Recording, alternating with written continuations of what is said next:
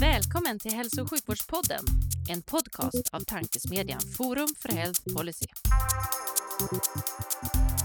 I den här podden möts frågor om hur vi kan få bättre hälsa med frågor om vilken politik som krävs. Det kommer bli samtal om personcentrering, ledarskap, digitalisering, organisation, politik och mycket mer.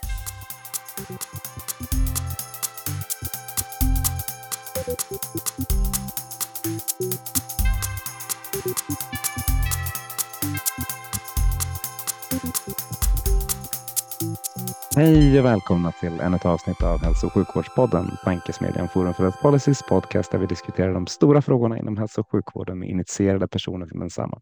Jag heter Magnus Lejelöw och är ambassadör för Forum för Health Policy och vid min sida idag har jag en generaldirektör som är ständigt aktuell på maktlistor i debatten och mest överallt i samtalet kring framtidens hälso och sjukvård och samtidens för den delen. Varmt välkommen Olivia Wigzell. Tack så mycket och roligt att vara här. Jättekul att ha dig med. Hur, hur är läget en, en fredag morgon som denna? Ja, läget är väldigt bra. Dels är jag upprymd för jag började veckan med att delta på WHOs styrelsemöte i Genève.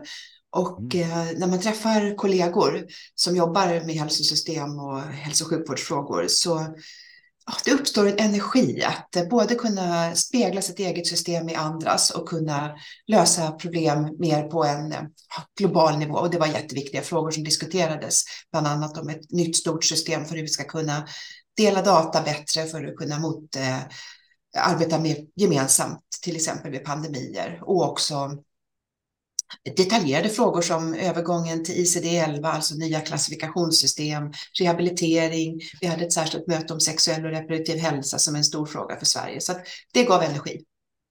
Kul! Vilka roliga frågor att få, få börja en vecka med. Det förstår jag att det håller liksom i hela, hela veckan ut.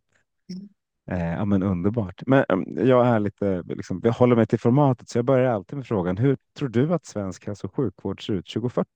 Jag tänkte börja med den lilla lätta frågan till dig också. Ja, um, vi vet ju att um, hälso och sjukvården är ju en kunskapsintensiv sektor, så att det man kan anta 2040 det är att mycket har hänt tack vare tekniska framsteg, medicin, medicinsk utveckling, forskning och ny kunskap som hela tiden byggs. Så jag tror att eh, då kommer sjukvården vara eh, otroligt mycket mer rustad för att förebygga eh, ohälsa och sjukdom. Det kan vara med hjälp av precisionshälsa och mycket annat, men en större tyngdpunkt på förebyggande arbetet. Sen tror jag ju och hoppas att förtroendet från invånare kommer att vara fortsatt högt. Det är ju alltid någonting som man behöver förvärva hela tiden. Och det är väldigt viktigt också för hur vår hälso och sjukvård fungerar. Och eh, sen hoppas jag kanske att vi ska ha mer hälso, av hälsosystemtänk i hela samhället.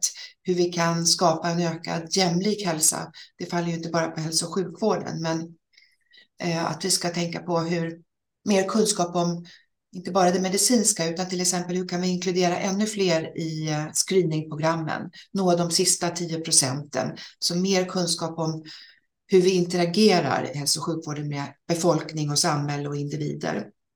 Och sen sista önskan är ju, eftersom jag nu kommer från WHOs möte i Genève, så var ju någonting som sades ofta där att eh, utan fred är det svårt att få hälsa. Eh, och utan jämlik hälsa är det svårt att förvänta sig fredliga samhällen. Så jag hoppas i 2040 att vi ska ha en bra säkerhetspolitisk situation i Sverige och fredlig, om, om, fredlig och trygg omgivning så att vi kan jobba med utvecklat hälsosystem.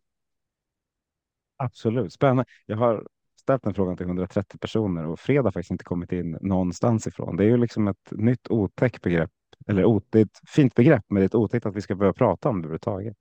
Ja, ja, det är det faktiskt. Och just det i WHO-sammanhang kommer upp för att WHOs resurser har nu styrts om radikalt till att arbeta med ohälsa i eh, krigsdrabbade områden i världen. Och vi tankar ju hela tiden av också Ukrainas erfarenheter och där ser vi ju eh, hur det har påverkat hälsan radikalt negativt. Både psykisk hälsa, där eh, 80 procent ungefär av befolkningen har fått psykisk ohälsa på grund av eh, fullskaliga invasionen. Eh, så att eh, psykisk ohälsa följer också i krigets eh, eh, eh, som en effekt av eh, krig och konflikt. Men och sen också såklart en eh, somatisk ohälsa, både i form av eh, krigsdrabbad befolkning, men också att vi måste vård som, in, som får anstå för att hela apparaten, vårdapparaten behöver inrikta sig på att ta hand om offer eh, till följd av kriget. Och då ser vi att eh, ja, stroke till exempel ökar i yngre delen befolkningen i Ukraina. Eh, vi har tagit emot många cancerpatienter från Ukraina. Det är sån vård som skjuts upp så att de effekterna har vi ännu inte sett. Vad, vad händer när man har en konflikt som varar över flera år med befolkningens hälsa? Dödlighet, screeningprogram, vaccinationer, allt som skakas om. Plus att eh, var sjätte vårdinrättning är totalt förstörd. Så vad händer också med infrastrukturen och hur påverkar den på lång sikt? Så det här eh, är ju eh, det får stora hälsoeffekter vid sidan av ha, effekter på alla andra sektorer på området också, om, eh, på andra samhällssektorer också. Ja, precis, för det är ju oftast de man hör om. Jag har faktiskt inte, jag har inte mm. reflekterat så mycket som, som jag gör nu när jag lyssnar på det. Man blir ju mörkrädd både vad det gäller hur det är i Ukraina då och att vi ens behöver tänka på det framåt. För det är liksom en ja, otäck tanke att vi skulle behöva inte ha en vård i världsklass på grund av något, något liksom som kommer utifrån. Ja. Uff.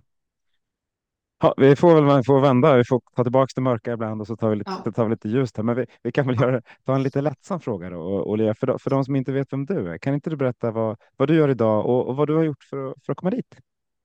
Ja, eh, jag, har, jag är generaldirektör på Socialstyrelsen sedan eh, åtta år drygt. Och innan dess så var jag generaldirektör på en annan myndighet i hälsosektorn som heter SBU som gör systematiska vetenskapliga översikter bland annat. Eh, jag har ett förflutet eh, på socialdepartementet, regeringskansliet, där jag arbetat som chef eh, och departementsråd heter det, för folkhälsofrågor och hälso och sjukvårdsfrågor. Jag har också arbetat mycket internationellt. Jag har varit ordförande för OECDs hälsokommitté, suttit i WHOs eh, styrelse och sitter nu i WHOs styrelse för Europaregionen och har också under flera år arbetat med EU-frågor, framförallt hur EU-länder ska kunna jämföra sina eh, resultatet av sina hälso och sjukvårdssystem med varandra för att skapa ett lärande. Eh, och eh, ja, helt enkelt eh, bra öppna jämförelser som avstamp för det mesta. Och sen har jag också varit statlig utredare, bland annat för jämställd hälso och sjukvård mellan kvinnor och män, men också för eh, vård och omsorg till äldre personer, hur det ska kunna utvecklas, tillgången till exempel till läkare och eh, medicinska professioner av alla de slag som behövs i primärvården. Eh, och jag har jobbat, det som är lite speciellt tänker jag som jag har haft stor nytta av det är att jag har varit, jobbat både på kommunal nivå, regional nivå och statlig nivå.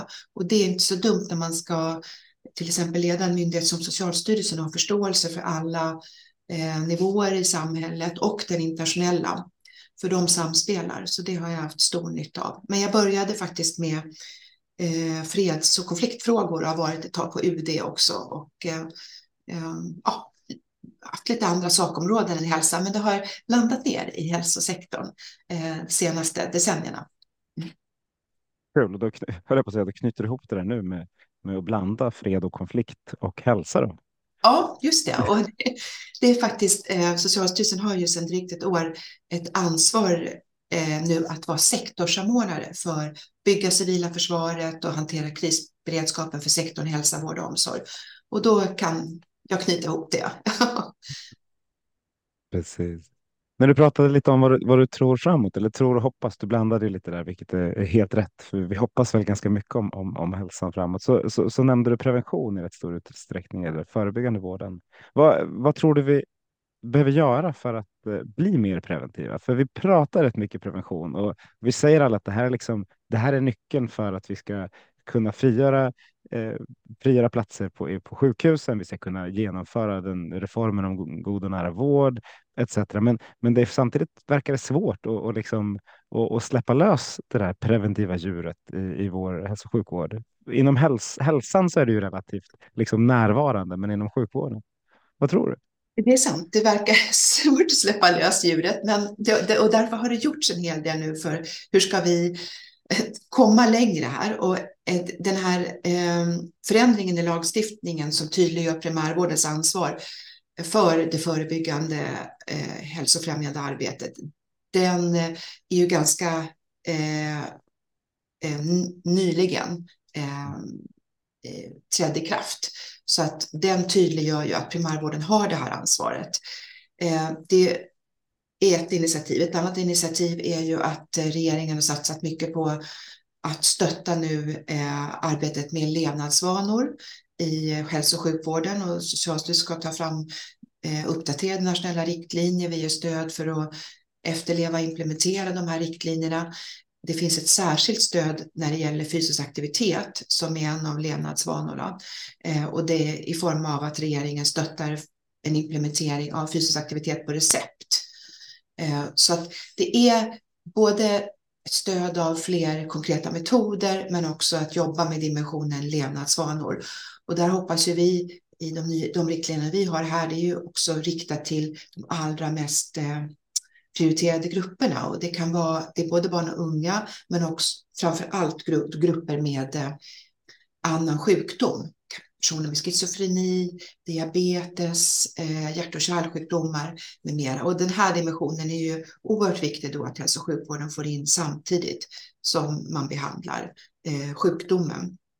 Så jag tror att eh, regelverk, ekonomiskt stöd, metodstöd, dela erfarenheter och vi, stödet går ju också till eh, eh, organisationer utanför hälso och sjukvården för att man ska uppdatera professionell kunskap och bilda nätverk och så vidare. Det tror jag kommer leda oss några steg framåt eh, i det här eh, faktiskt. Så det, jag kan se att det är många, mycket mer arbete på gång nu än om man jämför med eh, tio år tillbaka.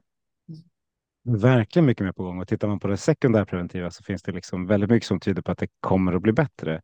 Jag ja. mest när jag sitter och reflekterar kring det så blir jag lite orolig över faktorn liksom, jämli, jämlik förebyggande hälsa och att det är väldigt mycket som, som sker, sker på, i sjukvården. För sjukvården vill, om man pratar med läkare så vill man inte ta hand om de patienter som, som ännu inte är sjuka, vilket ju just nu är deras uppdrag att inte göra. Men då blir, det, då blir det ju kunskapen som är viktig för att du ska vara preventiv och där är det ju en jätteskillnad. Det är det som leder till liksom, klyftorna vi har i även bland sjuka och jag är så rädd att det ska spilla över på preventionen också, även om det görs ansatser. Ja, nej men, och där ser precis som du säger, vi har en jätteskillnad. Det är en stor diskussion globalt också på gång om det som kallas för hälsolitteracitet, som mm. är en nyckel till ökad jämlikhet. Att eh, så länge du inte har riktade insatser eller anpassade insatser så kommer all den här informationen som finns om hur du stärker din hälsa och egenvård, den används ju relativt sett mer av grupper som har en förmåga bearbeta informationen, känna till systemet, Eh, och eh, ta hand om sin hälsa. Så att här eh, tror jag att vi behöver arbeta mycket mer strukturerat med det som kallas för hälsolitteracitet. Hur når vi ut till de grupper som kanske har eh, mindre kunskaper i svenska,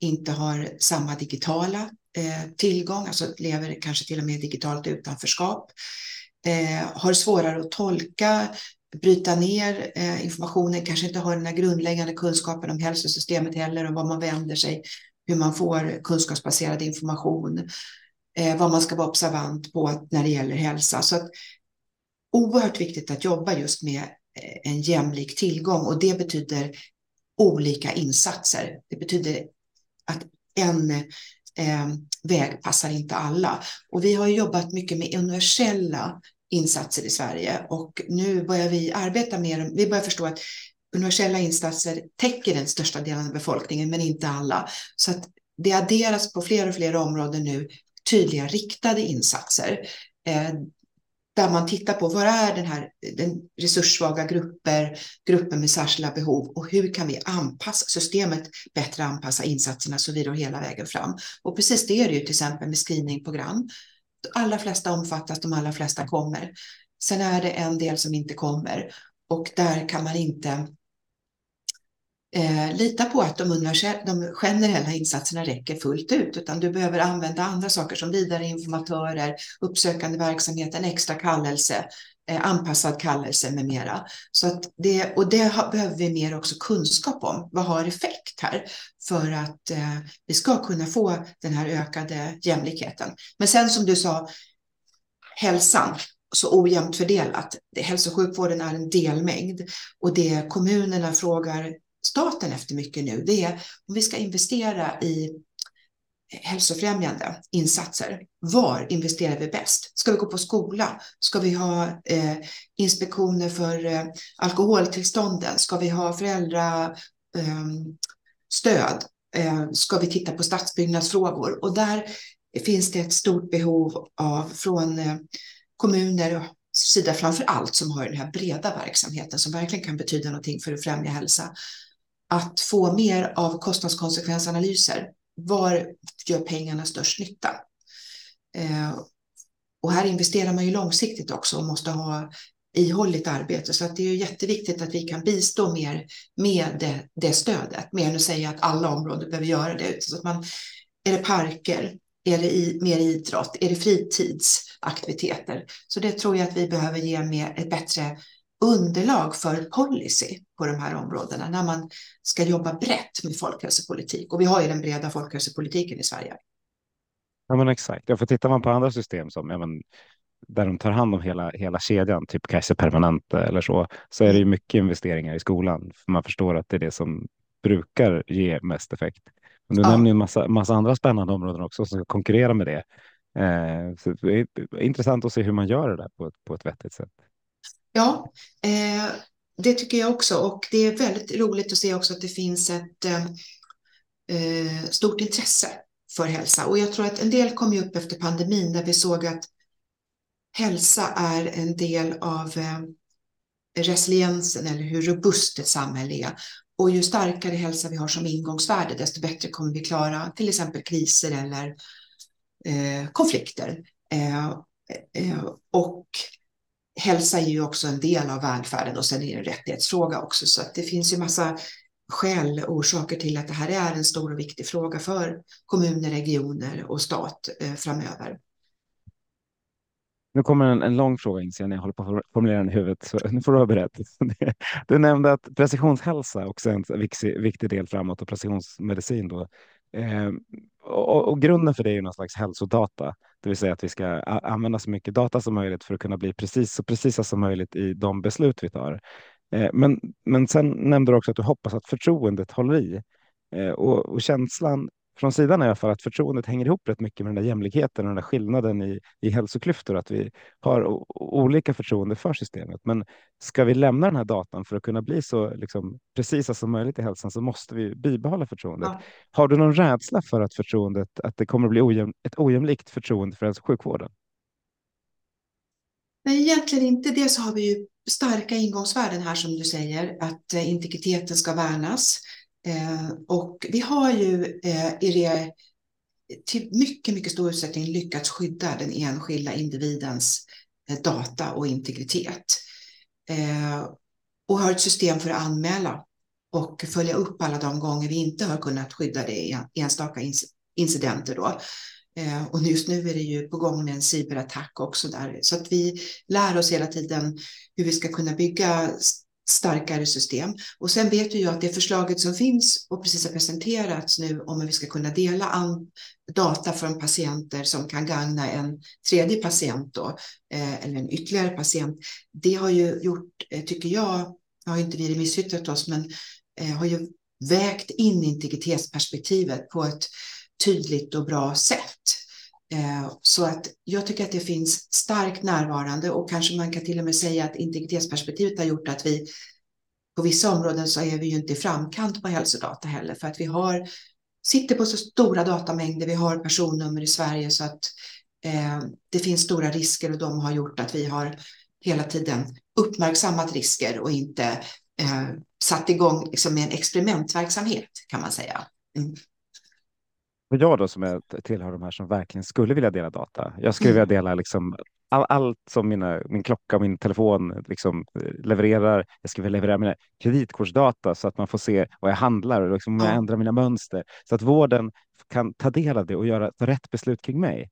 Eh, inte så att man ska, de ska behöva sitta och läsa igenom allt, utan att man har ett, ett smart system som faktiskt liksom flaggar upp när, när Magnus har något problembeteende. För det, liksom, det, det var jag förväntar mig av framtidens mm. vård, att, mm. att jag ska bli behandlad som en bil ja. eh, och kallas ja. in när jag faktiskt behöver, behöver lite rundsmörjning. Men, ja. men, men, just nu så styr ju inte riktigt systemet dit eftersom vi är lite rädd, rädda på goda grunder för just den här integritetsfrågan. Vad tror du? Kommer, kommer, vi liksom, kommer, kommer jag som vill för det är väl liksom nyckelordet. Kommer jag kunna dela data med vården på det sättet? Fram? Jag, tror, jag hoppas och tror att den enskilde eh, personen inte ska behöva driva det här, utan att vården, hälso och sjukvården ska skaffa de här systemen. Och eh, då finns det ju till exempel smarta AI-system. när jag var i Israel sist så fick vi höra mer om det.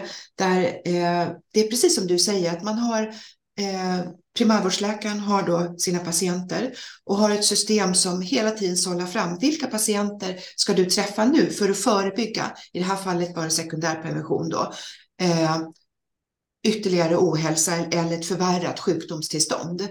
Eh, och då bevakar den här det med hjälp av de här värdena och då har man ju eh, till exempel medicinteknisk utrustning som kan mata in värden och det finns ju också här i, vår, i Sverige. Det är bara att det är fortfarande inte breddinfört då. Eh, men det finns på många ställen. Så jag hoppas att med medicinteknisk utrustning som du säger att vi ska kunna dela de här data, ha mer då av automatiserad sortering så att vi inte behöver gå efter kalendern utan efter behovet när vi möter vården och kunna upptäcka behovet i så tidigt skede så vi kan förebygga ett förvärrat sjukdomstillstånd. Och det, det, har andra länders system klarat, så det ska vi också, där ska vi också vara i en snar framtid. Och sen måste vi dela mer allmänt mer av hälsodata för registerforskning, forskning för precisionsmedicin, precisionshälsa.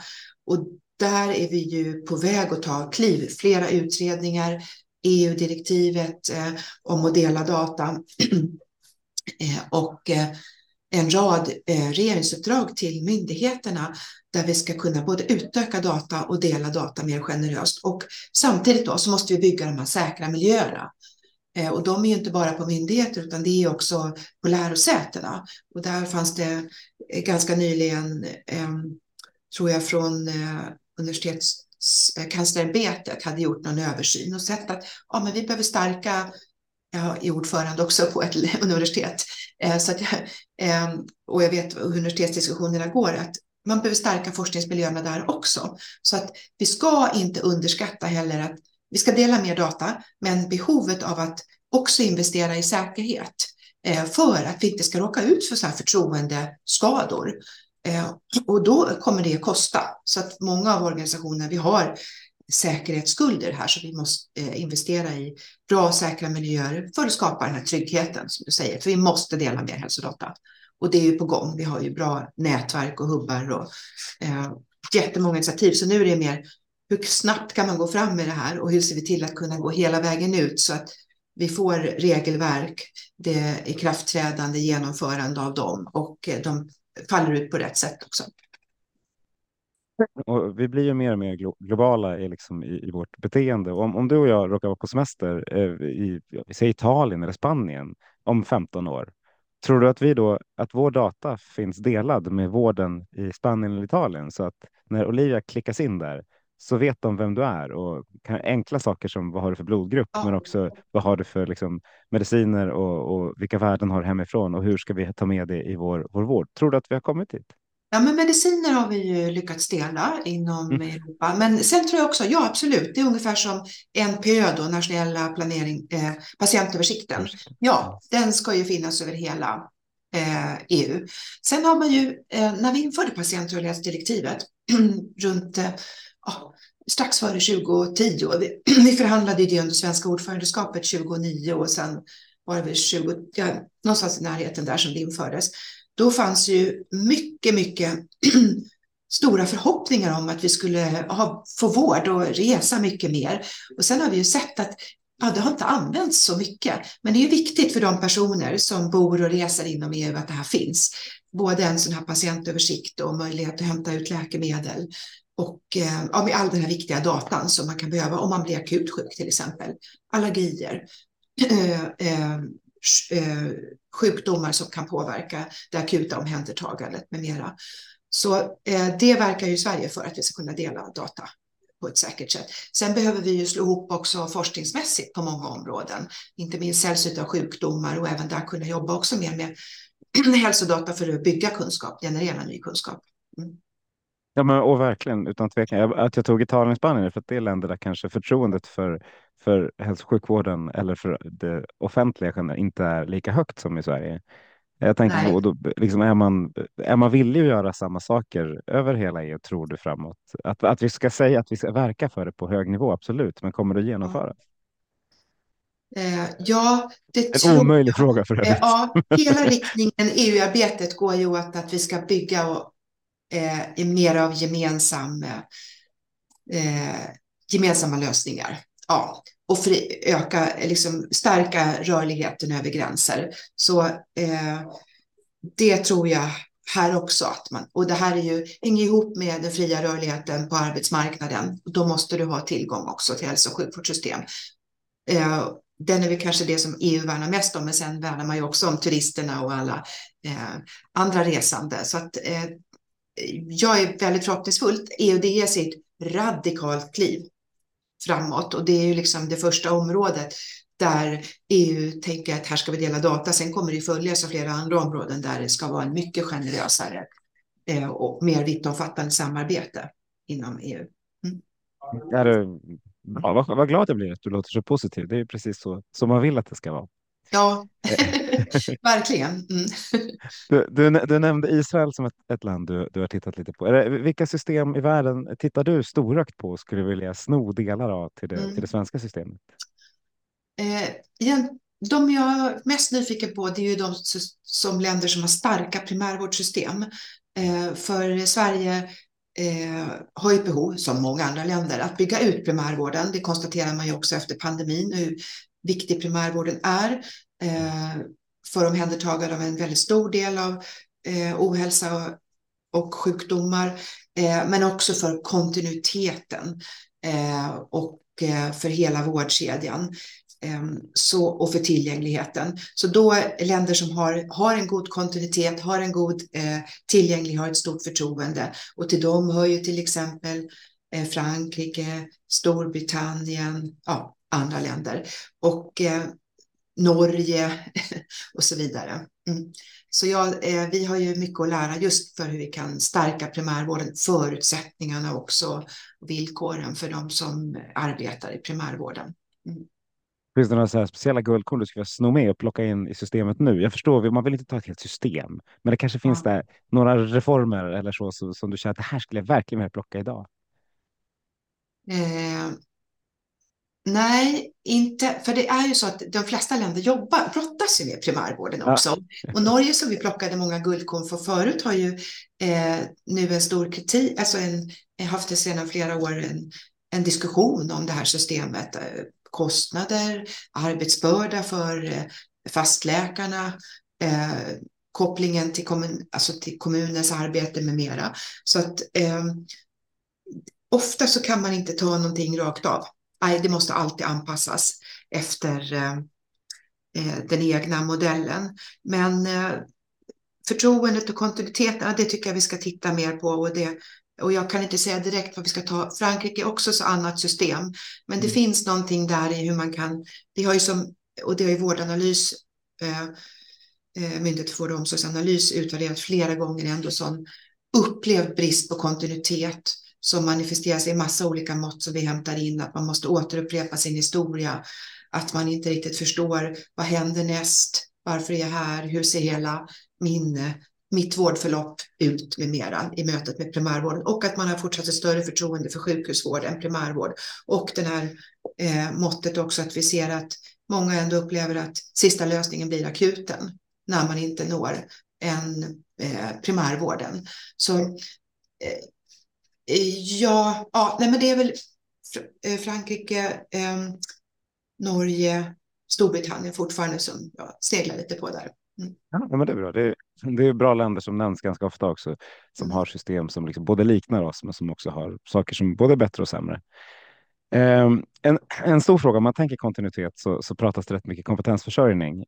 På, man pratar på rätt mycket olika sätt, både att ska in fler folk i utbildning, men att de också ska stanna i vården. Men, men någonstans så förväntan för en patient är ju att du ska möta samma person hela livet framåt som din, liksom, om det heter fastläkare eller något annat. Men så är ju inte verkligheten längre.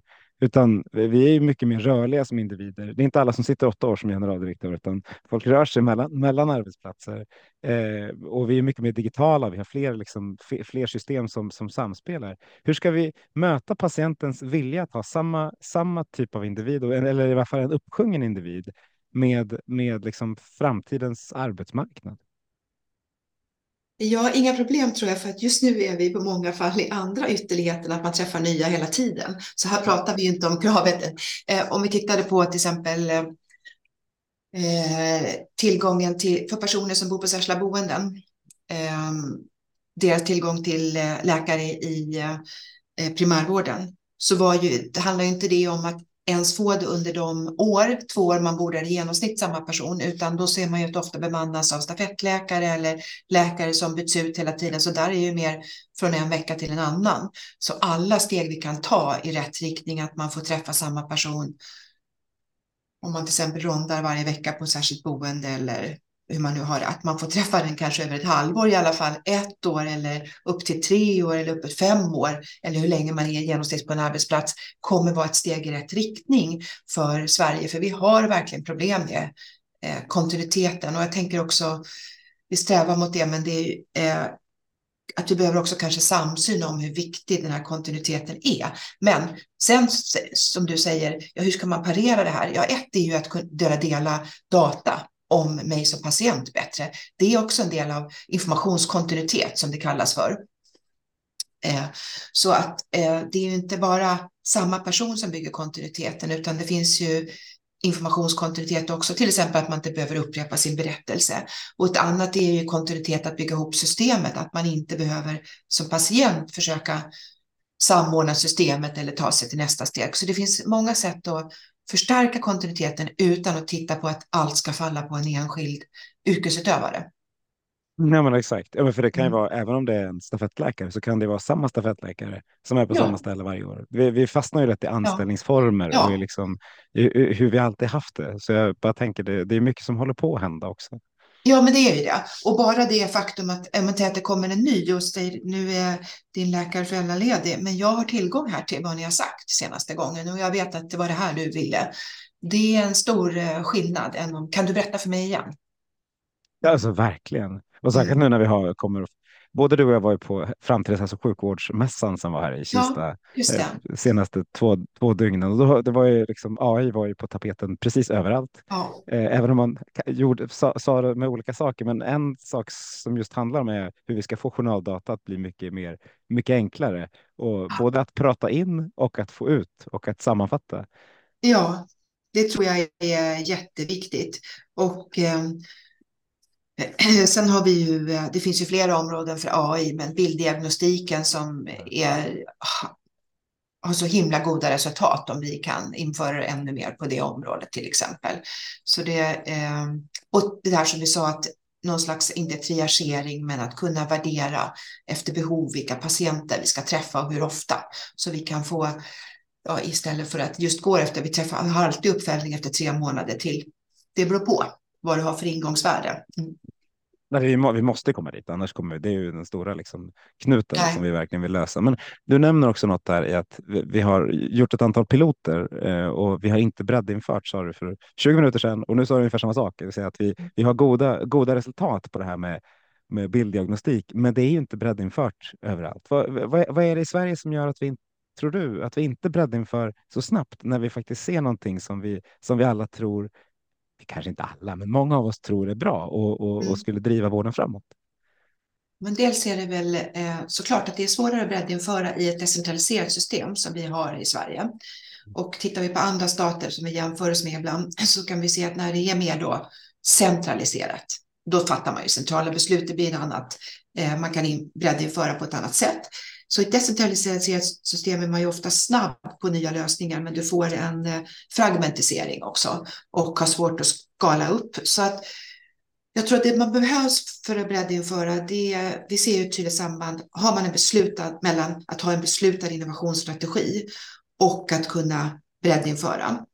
Eh, så att det är väldigt svårt om du bara liksom ska göra det projekten ska skalas upp. Du måste ha, det måste mötas från styrning, eh, ledningshåll också med strategier.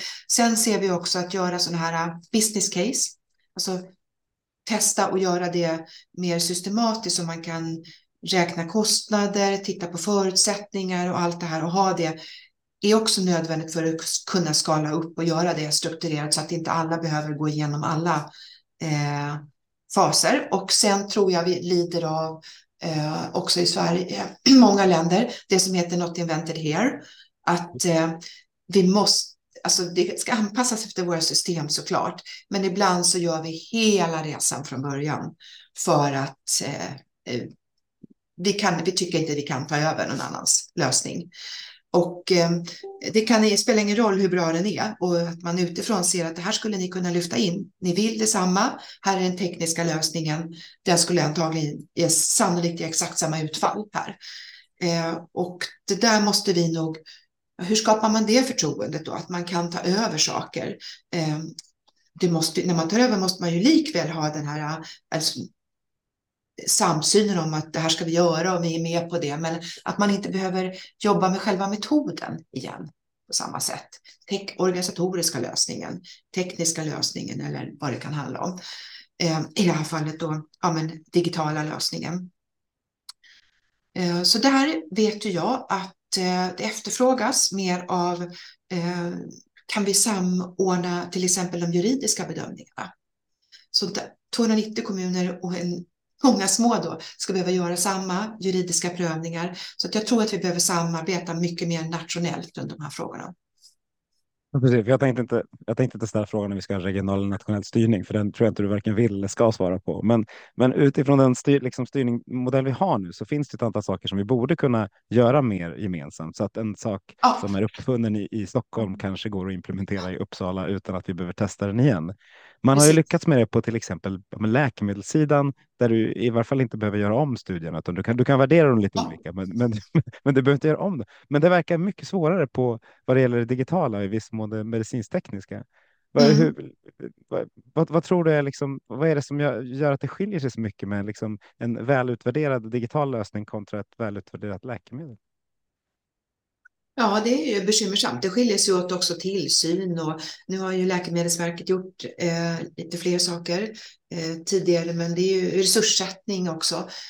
Eh, ja, men det är intressant att du säger det. Vi har ju en modell, så den ska vi ju använda oss av för andra eh, områden också. Eh, jag, kan, jag vet faktiskt inte vad det är som gör att vi skiljer oss. Det kan ju också bero på men lite eh, hur industrin är upplagd, hur vi har lagt upp regelverket. Eh, att det är lite mycket lättare till exempel att få godkännande för medicinteknisk, eh, medicintekniska produkter och dit hör ju AI-lösningar än för läkemedel och antagligen eh, ja, det har ju en massa historiska förklaringar helt enkelt att vi inte riktigt är där. Men det jag vill återkoppla till är det du sa att vi kommer definitivt dra nytta av ett ökat nationellt samarbete här och när det gäller då eh, det system vi har så tror jag att alla är eniga om att det finns värde i mer nationell samordning och samarbete. Eh, sen om det ska liksom ändra på finansieringsansvar och tillhandahållaransvar, det är ju liksom en annan fråga, men första steget är ju att utöka samarbetet för att få mer ut av våra resurser. Mm. Ja, precis. Och det är väl det, känner som att all, det här är också en fråga som alla är ganska eniga i att men det här ja. behöver vi ta tag i, men, men, men det syns inte överallt. Eh, utan det, det, känns som att vi fortfarande liksom kämpar lite mot varandra eh, på ett sätt. Det är kul mm. att se EHDS till exempel, där, där ni ja. och EHS-myndigheten faktiskt står tillsammans och pratar om det. Ja. Det, blir, det blir man lite glad av, men, men det är ändå så, när det sticker ut ja. eh, så, blir, så säger det något om att, att, att vi inte helt eh, är samlirande i övrigt. Nej, nej, precis. Hälsodata har vi fått en mycket bättre, sam, som du säger, vi är i samordnade, skulle jag säga, mer eller mindre fullt ut. Eh, vi hade ett uppdrag runt AI i eh, kommunernas socialtjänst och det gjorde Socialstyrelsen och DIGG eh, precis redovisade. Och det var också jättebra att kombinera en myndighet som gör de grundläggande lösningarna och infrastrukturen med en myndighet, då i det här fallet Socialstyrelsen, så kunde liksom socialtjänsten som kunde titta på, just lyfta fram exempel på hur man jobbat med AI-lösningar. Jag tror att vi behöver fler för den statliga styrningen. Bra med gemensamma regeringsuppdrag, bra att klustra dem Eh, och eh, vi har ju själv diskuterat mellan de tio sektors, eh, myndigheterna inom sektorn hälsa och så, eh, vård och omsorg att vi ska jobba mer runt AI-frågorna. Så vi har tillsatt en, eh, eh, vi har liksom en arbetsgrupp som tittar på de frågorna. Men det är positivt på många sätt. Mm. Den sista, sista, sista lilla nöten jag tänkte slänga över till det här innan vi, vi avrundar är den lilla bomben psykisk ohälsa som du nämnde tidigare. Mm. Vad, vad, tror du är liksom nycklarna framåt för att bli för, för, att inte komma till bukt med det, för det kommer vi aldrig att göra, men för att göra det så bra som möjligt för de som lider av, av psykisk ohälsa? Mm. Ja, men om man talar om psykisk ohälsa i en bredare bemärkelsen, eh, så man eh, också tar med psykiska besvär eh, tillsammans med eh, diagnostiserade psykisk, psykiatriska eh, tillstånd, sjukdomar, då och, och, så går man tillbaka till orsakerna som har, eh, och det finns ju flera stycken som har nämnts, så är det ju dels eh, skolan som har nämnts, som, alltså, och, och betygssystem och hur skolan fungerar. Eh, och där kan det ju handla om att se över det är så att till exempel eh, elever som behöver mer av struktur, stöd ska kunna få det. Och när vi talar till exempel om eh, ADHD så finns det ju prognoser som visar att det här kommer fortsätta öka och vi kommer upp i en relativt omfattande mängd så det blir mer av ett eh, allmän utmaning för skolan att kunna anpassa undervisning och för regelverket då, betygssystem som inte pekar ut alla de gånger de gjort som sämst då att du måste topprestera varje gång. Och nu är det och också in, synen på kunskapen och fakta kontra förstå eh, och analysera stora, ganska diffusa problem. Och allt den här diskussionen är på gång. Elevhälsans resurssättning. Vi tar fram ett barnhälsoprogram som jag tror kommer betyda jättemycket och det har en stor tonvikt på psykisk hälsa, hur man ska kunna främja det och psykisk ohälsa och där bland annat då från 0 till 20 eh, hela vården och stöden till eh, den unges, barnet och den unge ska hänga ihop. Så jag tror att skolan är ett viktigt område och eh, elevhälsan. Eh, och som sagt var, där finns det initiativ. Ett annat eh, område är ju eh, digitalisering. Det har ju också pekats ut som en orsak att vi har den här digitaliseringen med ständiga möjligheter att jämföra oss eh, med eh, andra liv, livssituationer som vi ofta kommer ut till nackdel vid en jämförelse. Och, så hur vi som jobbar med digitaliseringen och förhåller oss till det är jätteviktigt. Och sen har vi också frågan om Eh, individuell, det individuella perspektivet, individualismen i vårt samhälle, där det läggs mycket ansvar på den enskilde eh, som eh, egentligen blir ansvarig för om man lyckas eller misslyckas, tillkortakommanden eller tillgångar. Och det där handlar ju om att bygga kultur, skapa en eh, ja, det som regeringen också är inne med nu, ensamhetsfrågorna, till exempel ofrivillig ensamhet. Hur stärker vi nätverk och hur eh, stöttar vi varandra människor emellan? Så det är inte bara systemen och välfärdssystemen utan det är också hur vi fungerar mellan varandra. Och sen har vi hälso och sjukvården och där är ju tillgång och kortade köer oerhört viktigt. Men tillgänglighet är ju dels väntetider men det är också att du vet var vänder jag mig? vad är ingången för min eh, situation, mitt problem? Eh, och hur blir jag bemött då i, när jag kontaktar hälso och sjukvården? Och det finns ju många regioner som har börjat jobba med det. Västra Götaland till exempel, tydligt utpekat ansvar för vilken del av primärvården man vänder sig till om man till exempel är barn och ungdom. Och det här måste vävas in, psykiska hälsan tillsammans med somatiska, också när man möter hälso och sjukvården för äldre personer till exempel. Eh, det behöver tillgång, handlar också om tillgång till behandling. Vi vet att äldre personer har läkemedelsbehandling länge och där behöver man tillgång till mer av terapi. Eh, precis som man för andra åldersgrupper. Så det är tillgång och tillgänglighet i flera dimensioner. Eh, det, men även där jämlikheten, likheten eh, geografiskt som inte hänger ihop med behov utan mer att vi har organiserat oss olika är på väg att förbättras. Vi har ju till exempel ett uppdrag om självvald inläggning som fanns kanske för några patienter i några regioner tidigare men som nu ska finnas eh, i eh, alltså tillgång oavsett var man bor. Eh, det finns statsbidrag för första alltså, eh, psykiatriambulanser, alltså första mötet om du har en akut situation för personer med psykisk eh, ohälsa, sjukdom ska också finnas. Det har kanske funnits i Stockholm och några ställen till. Så att det är väldigt viktigt att vi inför bra metoder eh, och att vi stöttar det från nationellt håll med resurser och metodstöd och kunskapsstöd. Så att eh, eh även då hälso och sjukvården vill jag peka ut som ett viktigt område. Arbetsgivarna såklart. Eh, 50 procent av sjukskrivningarna orsakas av psykisk ohälsa. Det finns enorma besparingar och vinster att göra där för arbetsgivare, för den enskilda, för samhället. Det är en bred pamflett och du lyfter många saker. Det, det säger något om att det var, blev en bred fråga och att det blev ett brett svar. Det är jättebra. Jag funderade på, för, för, för när jag tänkte på det ADHD-delen, om jag bara lyfte en liten del i det, eh, att, att det är ökande så märker jag, jag har varit ungdomstränare i fotboll eller barn till ungdomstränare under en massa år och jag ser ju att det är ganska många som kommer in med, fler och fler som kommer in med, med diagnoser. Eh, där är man ju, kommer man ju ganska oförberedd på det. Du, mm. du försöker hantera ganska många barn. Eh, du är ideell, du har ett annat jobb och ska och sen så är du ändå en jätteviktig del skulle jag säga i att att man blir liksom att, att det både blir bemött och att det blir anpassat på rätt sätt. Eh, hur, hur ska man stödja alla organisationer som finns utanför? För det finns, det är liksom ett, ett jätte, det blir ett mm. samhällsproblem som ju eh, där, där kanske idrotten eller musiken eller teatern eller vad det nu är, är det, är det som gör att man kommer att klara skolan. Mm. Eh, ja. ja, jag tänker att vi behöver ett kunskapslyft här i Sverige. Ja. Det hänger också ihop, kunskapslyft är också positivt för det kan reducera stigma ytterligare. Nu är ju barn och unga väldigt bra att prata om eh, behov och att är mer, stigman har ju verkligen minskat. Ja. Men ett kunskapslyft behövs, för, som du säger, för att kunna möta och förstå.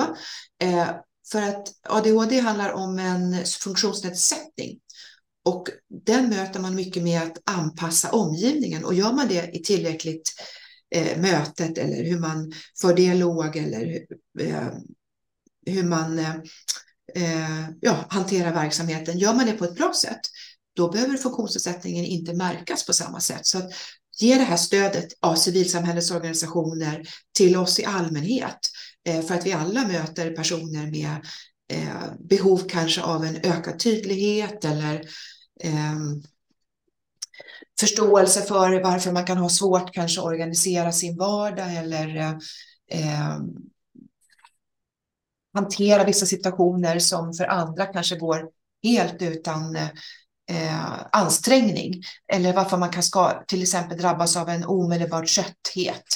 Eh, där det verkligen det finns inget ingen energi i batteriet kvar. Det är helt slut. Så det är ju vissa, alltså jag tror en folkbildningskampanj om det här, det vore inte helt fel. Och såklart om psykisk eh, ohälsa i stort, för hur vi kan stötta och upptäcka också depression eller depressiva tillstånd, ångest, men inte minst då om funktionsnedsättningar som du ofta har över, de kan ju variera i allvarsgrad och över tid. Eh, och det är ju inte bara skolan som du säger, nej, det är fritids eh, eller, eh, fritidsorganisationer som möter barn och unga på fritiden också, men arbetslivet också. Eh, och det här är ju eh, vi kan säga så här att många med psykisk sjukdom, de möts ju fortfarande på ett dåligt sätt. också av vård och till exempel socialtjänst. Vi har bemötandeutbildningar här och det är ju av ett skäl. För att man ska möta eh, bekräftande bemötande och inkluderande bemötande och ett bemötande som ger individer med psykisk funktionsnedsättning och ohälsa också möjlighet att vara delaktiga och påverka och utifrån de förutsättningar man har. Och sen har vi ju fortfarande stor problematik mellan har man psykisk ohälsa så har man mer somatisk ohälsa och kortare livslängd och eh, ja, sämre möjlighet till fulla betyg och så. där. Så att det finns så mycket att göra med den här som du säger. Vad eh, kul att du lyfter breddkunskapen. Eh, eh, ja, och den, den vet jag att patientorganisationer ofta efterfrågar, för den betyder mycket för acceptans och möjlighet att vara med på samhället på precis lika villkor. Kul, vilket bra, det blir bra slutord tror jag. För jag hade velat prata hur länge som helst. Jag märkte att tiden går väldigt fort. Ja, jag, jag har lite tid. Om, jag tänkte bara säga, du hade ju den här spännande frågan. Nu pratar ju du med en chef på en indikatorsmyndighet. Ja. du hade ju en slutfråga här på indikatorer. Ja, men, men, och, och hinner du med den så kör vi naturligtvis ja. den. Ja, men vad, vad glad jag blir. Eh, Socialstyrelsen är så mycket, vi är liksom kända mycket för riktlinjer, kanske att vi utfärdar legitimationer, statsbidrag, föreskrifter. Men vi har ju, och så hälsodata vi pratar om, men så har vi ju hela det här indikatorsarbetet, analysarbetet och så vidare.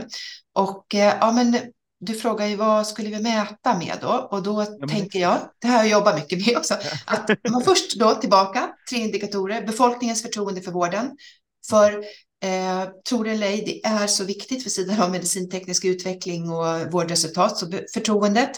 Och sen det stor, stora viktiga liksom globala måttet, sjukvårdsrelaterad åtgärdbar dödlighet. Och då är det ju så, ju bättre hälso och sjukvården, Eh, man mäter de, sjukvård, eh, de sjukdomar som hälso och sjukvården kan åtgärda eh, och förhindra förtida dödsfall och sjuklighet, de som är påverkbara. Och ligger man bra till där så har man ett hälso och sjukvårdssystem som når ut. Och det kan både vara att man har eh, inte jättehöga kostnader för patienten som att man har god tillgänglighet. Och sen kostnad för vården per invånare. Men det här var bara de som finns idag. Och om jag får önska tre indikatorer. Ja, så har jag. För jag, jag, jag saknar ju personalens känsla och, och patientens. Mm, det är ett undermått.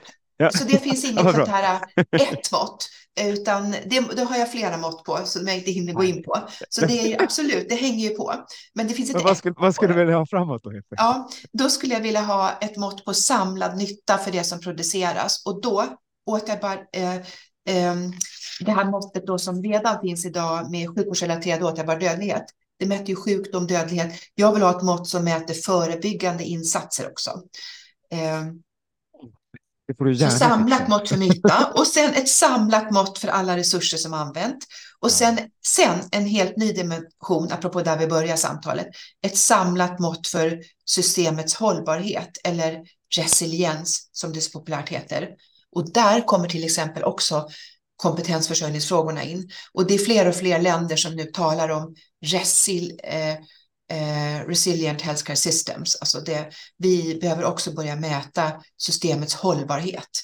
Eh, det är ju, ja precis, kompet, eh, infrastrukturen, eh, kompetensen, eh, samarbetet, forskning, utbildning, vårdsystem, många olika delar som, ja, ska inte gå in på de här. Men eh, så det finns tre framtida bra mått som vi får jobba med och utveckla.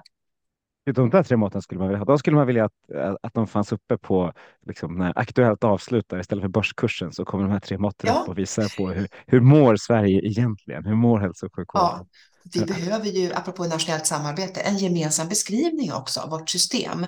Eh, vad funkar, vad funkar inte? Och det är, eh, få, det, är, det är viktigt för sammanhållningen och för att vi ska kunna ta ut en gemensam kurs. Har vi ingen gemensam analys av situationen, styrkor, svagheter, då kommer vi att ha svårt att jobba tillsammans framåt med lösningarna. Och det då kan, ja, ja. klockrent, det är liksom precis där man vill landa. Vad, vad roliga slutord, det är verkligen något vi får, vi får sträva efter. Men Olivia, då skulle jag tacka varmast för att du var med i Hälso och sjukvårdspodden. Ja, men tack så mycket för inbjudan och jätteroligt att vara här. Och tack alla ni som har lyssnat. Nu går vi ut och förändrar svensk hälso och sjukvård till det bättre. Ja, det gör vi.